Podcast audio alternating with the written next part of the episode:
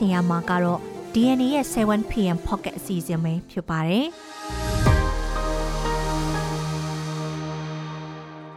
ဒီကနေ့ဇူလိုင်17ရက်နေ့ DNA ရဲ့ pocket အတန်လွင့်အစီအစဉ်မှာတော့တီမောခီးဇမှာနိုင်ငံရေးသဘောတူညီချက်တွေဆွေးနွေးနိုင်ခဲ့တယ်လို့ NUG နိုင်ငံခြားရေးဝန်ကြီးဌာနကပြောတယ်ဆိုတဲ့အကြောင်းဝေါ်မြို့နယ်မှာစစ်ကောင်စီကဒေသခံတွေကိုဖိအားပေးပြီးကင်းဆောင်ခိုင်းနေတဲ့ဆိုတဲ့အကြောင်းလွဲကော်နဲ့ကလေးမှာစစ်ကောင်စီပြစ်ခတ်မှုတွေကြောင့် လူလေးဦးသေဆုံးတယ်ဆိုတဲ့အကြောင်းပေါင်းမြို့နယ်မှာတိုက်ပွဲဖြစ်ပြီးတဲ့နောက်စစ်ကောင်စီကလေကြောင်းကတိုက်ခိုက်တယ်ဆိုတဲ့အကြောင်းတိုက်ဦးထောင်ပိုင်းနဲ့ထောင်ဝင်တဲ့တချို့ဖမ်းဆီးစစ်ဆေးခံနေရတယ်ဆိုတဲ့အကြောင်းစတဲ့ပြည်တွင်းသတင်းတွေနဲ့ဘိုင်ဒန်အတွက်စီစဉ်ထားတဲ့ကော်စောနီရှောက်လန်းကိုခဏတာမောင်ပိုင်စည်းခဲ့တဲ့ကြောင်ကလေးဆိုတဲ့အကြောင်းကနေဒါလေစိတ်မှာ trap ကမီးလောင်ရာကခရီးသည်တွေရှိနေတဲ့လေရင်ကိုပါမီးကူးဆက်တဲ့ဆိုတဲ့အကြောင်းစတဲ့နိုင်ငံတကာသတင်းတွေနဲ့အတူ စာရေးဆရာမင်းသိကလည်းသူ့ရဲ့စောင်းမတပုတ်ကိုကိုယ်တိုင်ဖတ်ပြပေးထားပါတယ်ရှင်။သတင်းအစီအစဉ်တွေကိုတော့ကျမနန်းခမ်းနဲ့ကိုမောင်သိန်းကတင်ဆက်ပေးသွားမှာပါ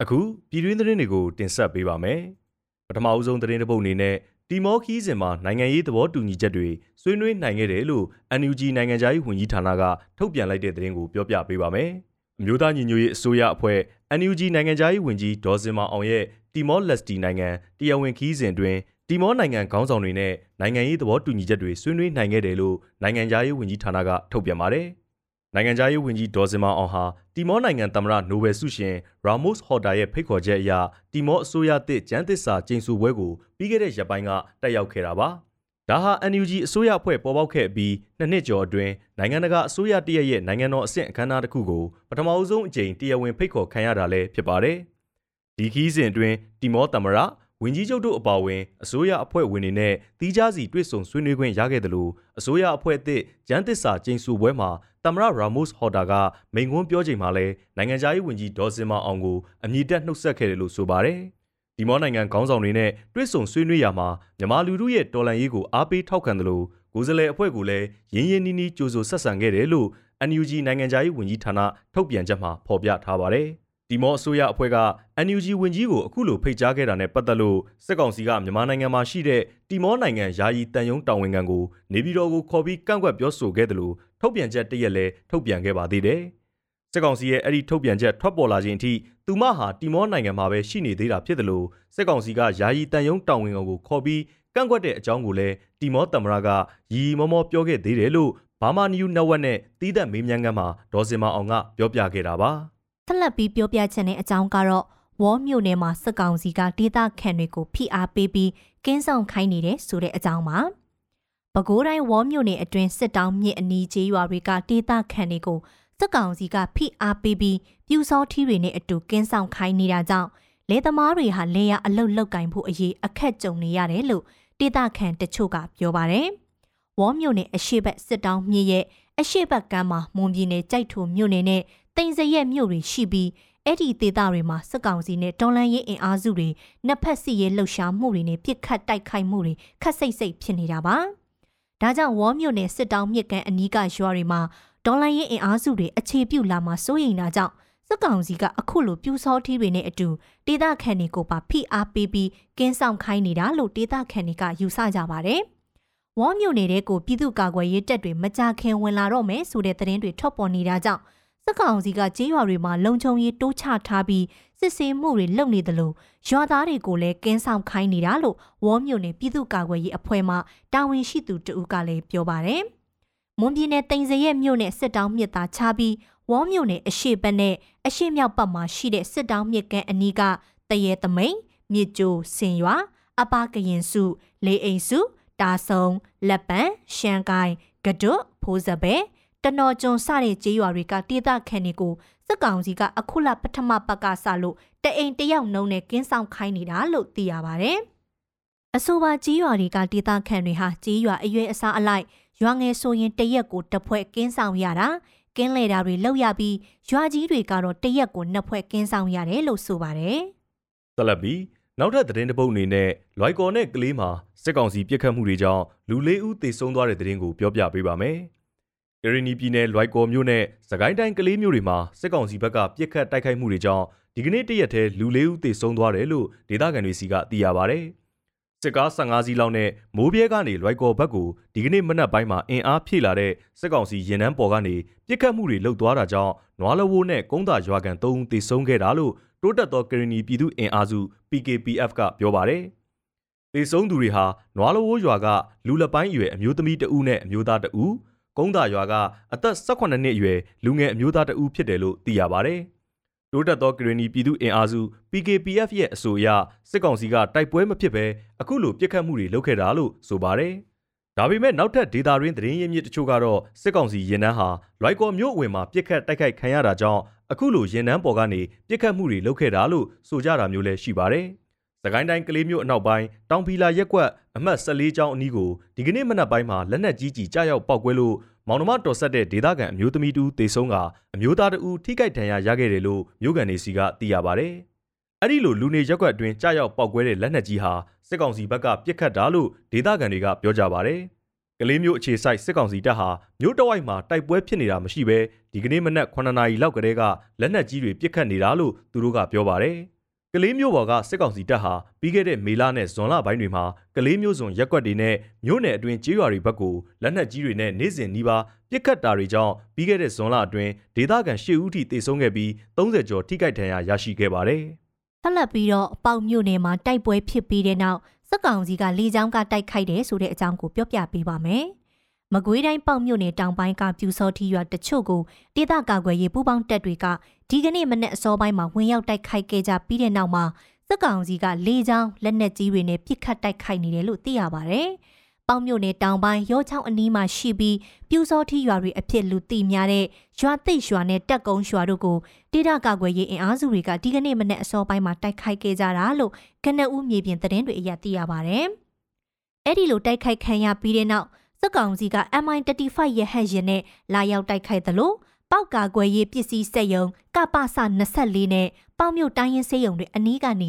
120မမလက်နက်ကြီးတွေနဲ့တောင်ပိုင်းကျေးရွာတွေဖက်ကိုပစ်ခတ်နေတယ်လို့လည်းသိရပါဗျ။မြေပြင်တိုက်ပွဲနဲ့စစ်ကောင်စီဖက်ကလေကြောင်းပစ်ခတ်မှုလက်နက်ကြီးပစ်ခတ်မှုတွေကြောင့်ထိခိုက်သေးဆုံးမှုအခြေအနေတွေကိုတော့အသေးစိတ်မသိရသေးပါဘူး။စစ်ကောင်စီဖက်ကလူမှုကွန်ရက်စာမျက်နှာတွေနဲ့ Telegram Channel တွေမှာတော့ကာကွယ်ရေးအင်အားစုတွေဖက်ကတိုက်ခိုက်မှုကြောင့် ရွာခန့်အရက်သားတွေတေဆုံးထိခိုက်မှုတွေရှိတယ်ဆိုပြီးဖော်ပြထားပါတယ်။နောက်ဆုံးသတင်းတစ်ပုဒ်အနေနဲ့ဒိုင်ဦးထောင်ပိုင်းနဲ့ထောင်ဝန်ထမ်းတချို့ဖမ်းဆီးစစ်ဆေးခံရတဲ့သတင်းကိုပြောပြပေးပါမယ်။ဒါကတော့ RFA မြန်မာပိုင်းရဲ့သတင်းတရက်ကို DNA ကပြန်လည်ဖော်ပြပေးတာဖြစ်ပါတယ်။ပဲခူးတိုင်းဒိုင်ဦးအချင်းထောင်ကနိုင်ငံရေးအကျဉ်းသားတွေကိုအပြင်က PDF တွေနဲ့ဆက်သွယ်ဖို့ကူညီပေးတယ်ဆိုတဲ့ဆွဆွဲချက်နဲ့ထောင်ပိုင်းအပါအဝင်အကျဉ်းထောင်ဝန်ထမ်းရှိဦးဖမ်းဆီးစစ်ဆေးခံနေရတယ်လို့နှီးဆက်သူတွေကိုကိုးကားပြီး RFA ကဖော်ပြထားတာပါ။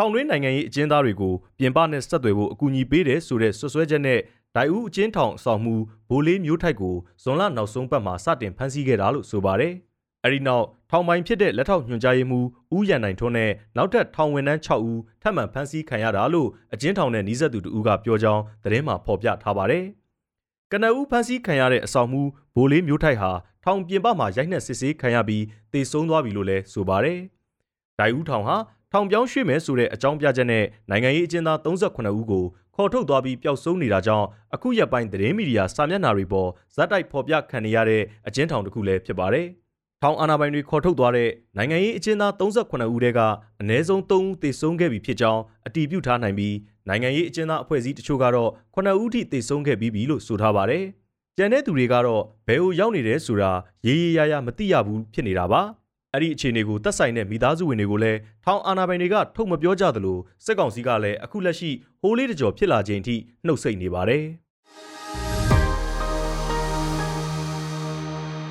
အခုနိုင်ငံတကာသတင်းအစီအစဉ်ကိုကိုမောင်သိန်းကဆက်လက်တင်ဆက်ပေးပါမယ်။ဗြိတိန်ဝန်ကြီးချုပ်ရဲ့အိမ်တော်မှာအမေရိကန်သမ္မတဂျိုးဘိုင်ဒန်ကို ခရီးဦးကြိုဖို့အသေးချာခင်းကျင်းထားတဲ့ကော်စောနီရှောက်လန်းကိုကြောင်လေးတကောင်ကခဏတစ်ပြုတ်မောင်းပိုင်စီးထားလိုက်ပါတယ်။ဇွန်လ10ရက်ကဘိုင်ဒန်ဟာနေတိုးနီလာကန်တက်ရောက်ဖို့လစ်သူရေးနီးယားနိုင်ငံကိုအသွားမှာဗြိတိန်နိုင်ငံကိုခရီးတစ်ထောက်ရောက်ရှိလာပြီးဝန်ကြီးချုပ်ရီရှီဆူနက်ချားဘီယင်တို့နဲ့တွေ့ဆုံသွားခဲ့ပါတယ် ကမ္ဘာပေါ်မှာဩဇာအကြီးမားဆုံးနိုင်ငံခေါင်းဆောင်တဦးရောက်ရှိလာမှာဖြစ်တဲ့အတွက်လန်ဒန်မြို့ဒေါင်းနင်းလမ်းမှာရှိတဲ့ဝင်းကြီးချုပ်အိမ်တော်မှာဝန်ထမ်းတွေကကော်စောနီအသေးချာခင်းပြီးအမားယုံမရှိအောင်စစ်စစ်ဆက်ဆက်ပြင်ဆင်နေခဲ့ကြပါတယ်။အဲဒီနောက်တကားနဲနဲပွင့်နေတဲ့အချိန်ဝန်ထမ်းတွေအလစ်မှာကြောင်ကလေးလေရီကအိမ်တော်အပြင်ထွက်လာပြီးဘိုင်နန်အတွက်ရည်ရွယ်ထားတဲ့ကော်စောနီရှောက်လန်းကိုအခန့်သားမောင်ပိုင်စီးထားလိုက်ပါတယ်။ 2011ခရဲကဝင်ကြီးချုပ်အိမ်တော်ကိုရောက်နေခဲ့တဲ့လေရီဟာအရင်ကလည်းအရေးကြီးတဲ့အချိန်တွေမှာကင်မရာမြင်ကွင်းထဲရောက်လာတတ်သူပါဥပမာအနေနဲ့ဝင်ကြီးချုပ်ထရီဆာမေနှုတ်ထွက်မဲ့နေ့အတွက်အိမ်တော်တစ်ခုလုံးအလုပ်များနေတဲ့အချိန်တုန်းကလည်းသူဟာမီဒီယာတွေရဲ့အာရုံစိုက်မှုကိုရယူသွားခဲ့မှုပါသေးတယ်အိမ်တော်ရှိမှသတင်းယူဖို့စောင့်ဆိုင်နေတဲ့မီဒီယာသမားတွေကလယ်ရီရဲ့လုပ်ပုံကိုသဘောကျပြီးဗီဒီယိုမှတ်တမ်းတင်ရိုက်ကူးထားခဲ့ကြပါတယ်။ မကြခင်မှာဝန်ထမ်းတဦးကလေရီကိုပွေ့ချီပြီးအိမ်တော်ထဲပြန်ခေါ်သွားတဲ့အချိန်မှာလဲသတင်းတောက်တွေကမကျေနပ်ကြောင်းအတန်ပြုတ်ကန့်ကွက်ခဲ့ကြပါတယ်။လူမှုကွန်ရက်မှာအဲ့ဒီဗီဒီယိုပြန့်နှံ့သွားတဲ့နောက်တချို့ကလေရီဟာဘိုင်နန်ကိုကြိုဆိုဖို့စောင့်နေတာဖြစ်နိုင်ပေမဲ့အိမ်တော်ဝန်ထမ်းနှောက်ယှက်လို့တွေးခွင့်မရလိုက်ရှာဘူးလို့ကြည်စဲရေးသားခဲ့ကြပါတယ်။လေရီဟာဗြိတိန်အစိုးရရဲ့ကြွက်နေနေရေးအရာရှိချုပ်လို့လဲချစ်စနိုးတင်စားခံရလိမ့်ရှိပါတယ်။ ဘိုင်နန်ဟာဝင်ကြီးချုပ်အိမ်တော်မှာစူနက်နဲ့လာရောက်တွေ့ဆုံခဲ့တဲ့နောက်အမေရိကန်နဲ့ဗြိတိန်တို့ကြားကဆက်ဆံရေးဟာကြောက်သားလိုမြဲမြံခိုင်မာနေစေဖြစ်ကြောင်းသတင်းတောက်တွေကိုပြောကြားသွားခဲ့ပါတယ်။ကနေဒါကနိုင်ငံတကာလေဆိပ်တစ်ခုမှာထရက်ကားတစ်စီးမီးလောင်ရာကခီးသည်တွေရှိနေစေလေရင်တစ်စီးကိုပါမီးကူးဆက်လောင်ကျွမ်းမှုဖြစ်ပွားခဲ့ပါတယ်။ပြီးခဲ့တဲ့သတင်းပတ်ကုံကဆွစ်ဇာလန်နိုင်ငံဂျနီဗာလေဆိပ်ကနေဆက်ရောက်လာတဲ့အဲကနေဒါလေကြောင်းလိုင်း Boeing 777လေယာဉ်ဟာ Montreal Drudu လေဆိပ်ထဲမှာရပ်တန့်ထားချိန်ထိတ်လန့်စရာဖြစ်စဉ်နဲ့ကြုံတွေ့ခဲ့တာဖြစ်ပါတယ်။လေယာဉ်ကွင်းထဲကိုရေတပ်တွေတည်ယူလာတဲ့ထရက်ကားတစ်စီးဟာလေယာဉ်ရဲ့အောက်ပိုင်းနားမှာရပ်တန့်ထားတော့မီးစလောင်ခဲ့တာလို့မျက်မြင်တွေကပြောပါတယ်။ထရက်ကားမှာမီးအရှိန်ရလာတဲ့နောက်လေယာဉ်ရဲ့ကိုယ်ရဲ့နောက်ပိုင်းကိုပါမီးကူပြီးထိခိုက်ပျက်စီးမှုတွေဖြစ်ပေါ်ခဲ့ပါတယ်။ လေရင်ပေါ်ကနေမစင်းရသေးပဲကြံနေတဲ့ခီးတဲ့တချို့ကိုတော့အလျင်အမြန်ဘေးလွတ်ရာရွှေ့ပြောင်းပေးနိုင်ခဲ့ပြီးထိခိုက်ဒဏ်ရာရသူမရှိခဲ့ဘူးလို့အဲကနေဒါကထုတ်ပြန်ပါတယ်။ဒါပေမဲ့လေစိတ်ကမြေပြင်အခြေစိုက်လုပ်ငန်းတွေနဲ့ပတ်သက်လို့ဝန်ဆောင်မှုပေးနေတဲ့ကုမ္ပဏီဝန်ထမ်းတဦးကတော့မီးလောင်ဒဏ်ရာတွေရရှိခဲ့ရာကစေယုံမှာကွယ်လွန်သွားတယ်လို့သိရပါတယ်။ထရက်ကားရဲ့အင်ဂျင်ဂန်းကနေမီးဆလောင်ပြီးဒဇီးလုံးကိုခက်မြန်မြန်ကူးဆက်သွားခဲ့တဲ့ဖြစ်စဉ်ရဲ့အကြောင်းရင်းကိုတိတိကျကျမသိရသေးပါဘူး။ မီးငိမ့်တက်ပြီးချိန်မှာတော့လေရင်ကိုတဲ့အနောက်ဘက်မှာမီးကျွမ်းပြီးမဲနေတာကိုအထင်ရှားတွေ့ရပါတယ်။အဲကနေဒါကမီးလောင်မှုဖြစ်ခဲ့တဲ့လေရင်ကိုအကြီးစားပြန်လည်ပြင်ဆင်မှုတွေလှုပ်ဆောင်ဖို့လိုအပ်ကြောင်းအတည်ပြုထားပါတယ်။လေစိတ်ထဲမှာမီးလောင်တဲ့ဖြစ်စဉ်ကြောင့်တခြားခီးစဉ်တွေနှောင့်နှေးတာမျိုးတော့မရှိခဲ့ဘူးလို့လည်းလေစိတ်တာဝန်ရှိသူတွေကပြောကြားခဲ့ပါတယ်။ဆက်လက်ပြီးတော့စာရေးဆရာမင်းသေးကသူ့ရဲ့ဆောင်းပါးတစ်ပုဒ်ကိုကိုယ်တိုင်ဖတ်ပြပေးထားပါတယ်။ မင်္ဂလာပါဒီတစ်ပတ်တော့တိုင်းပြည်အကြက်တဲဖြစ်နေတဲ့ကာလအတွင်းမှာကျွန်တော်တို့ရဲ့လူအခြေခံတန်ဖိုးတွေလူအခြေခံကျင့်ဝတ်တွေမပြတ်သုံးရေးအတွက်တတိပေးထားတဲ့စောင်းပါတစ်ပုဒ်ကိုဖတ်ပြချင်ပါတယ်ကျွန်တော်မင်းသေးပါတို့လူဖွဲ့စည်းမှာအခုလောလောဆယ်အရေးပေါ်လိုအပ်နေတာတခုရှိနေပါတယ်တခြားလိုအပ်နေတာတွေလည်းရှိပေမဲ့အဲ့ဒါတွေကိုမပြောသေးဘူး အခုပြောခြင်းနဲ့အရေးကြီးဆုံးအချက်တစ်ခုရှိတယ်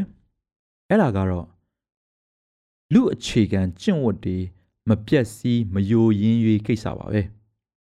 ငါတို့တိုင်းပြည်ကအပြက်ပဲဖြစ်နေတာများပြီထပ်ပြီးလဲပြက်စီးလာမယ့်အရာတွေအများကြီးရှိလာလိမ့်ဦးမယ်လူအဖွဲ့အစည်းရဲ့လားရပုံစံကို တွက်ရင်တို့အတွက်အားရစရာတခုမှမရှိဘူးအဲ့ဒီထဲမှာငါတို့မျှော်လင့်စရာတိတ်မြမြဆဆမကြံတော့ဘူး တကယ်မကြံတော့ပါအဲ့ဒီလိုမြန်မြန်ဆဆအကောင်းမကြံတော့တဲ့အထက်မှာငါတို့မှာရှိတဲ့လူအခြေခံကျင့်ဝတ်တွေပါတစတစပျက်စီးလာတာကို တွေ့နေမြင်နေရတယ်အဲ့ဒါကိုဘသူတွေကစိတ်ဇောပြင်းပြင်းပြပြနဲ့ထောက်ပြသတိပေးနေတယ်လဲဆိုတာငါတော့များများဆဆမတွေ့ဘူးဒါကြောင့်လေအားမလို့အားမရဖြစ်တယ်အဲ့ဒီလိုပြောလို့ငါကိုယ်တိုင်ရောဒါကိုပြန်ပြက်ကွက်နေတာတွေ့ရလို့ ကိုကိုကိုအားမလို့အားမရဖြစ်နေတယ်ဒါပေမဲ့စိတ်လုံခြင်းတယ်ကွာစိတ်လုံခြင်းတယ်ဒါကြောင့်ဒီတစ်ခုလေးတော့ပြောပြရစီရုပ်ပိုင်းဆိုင်ရာအရာဘာရီဘလို့ပျက်စီးသည်ဖြစ်စေပြန်တိဆောက်လို့ရပါတယ်ဒါပေမဲ့လူအခြေခံကျင့်ဝတ်တွေပျက်စီးရင်တော့ဘာမှပြန်ပြီးအဖက်ဆယ်လို့မရတော့ဘူးအခုတွေ့နေမြင်နေရတာကဒါပဲဒါပဲလူအသက်တွေအမြောက်အများ ဇဒေးခဲ့ကြရပြီးပြီထပ်ပြီးတော့လဲဇဒေးရပွဲရှိနေတာတွေရှိတယ်ရုပ်ပိုင်းဆိုင်ရာပျက်စီးယိုယွင်းတာတွေလဲတစားတစားကြုံလာနေကြရပြီစိတ်သက်အကောင်းလေးတွေလဲတဖြည်းဖြည်းပျက်စီးယိုယွင်းကုန်ပြီ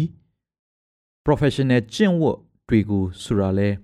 ပျက်စီးလာတာအတော်ကြီးရုပ်ဆိုးလိုက်တာအဲ့ဒီအထဲမှာမှလူအခြေခံကျင့်ဝတ်တွေပါထပ်ပြီးဆုံးရှုံးကုန်ရင်တော့ငါတို့မှာ ဘာကြံမလဲဘာကြံမလဲဘာမှမကြံတော့ကုန်းကောက်ဆရာမရှိတော့အောင်ငါတို့မှာဖြစ်တော့မှာပဲလူအခြေခံကျင့်ဝတ်တွေဟာတို့ရဲ့ basis principle တွေပါပဲဒါတွေတော့မပြတ်အောင် ထိန်းကြရမယ်ထင်တယ်ငါတို့တိုင်းပြည်မှာအနာဂတ်ရှိခြင်းရင်လူအခြေခံကျင့်ဝတ်တွေတော့ငါတို့လက်သီးစုပ်ထပ်ဖြီလို့မရတော့ပါဘူးဒါမကြံတော့ရင်ငါတို့ဘာမှအဖက်မစင်နိုင်တော့တဲ့ကောင်တွေ ဖြစ်ကုန်တော့မှာပဲ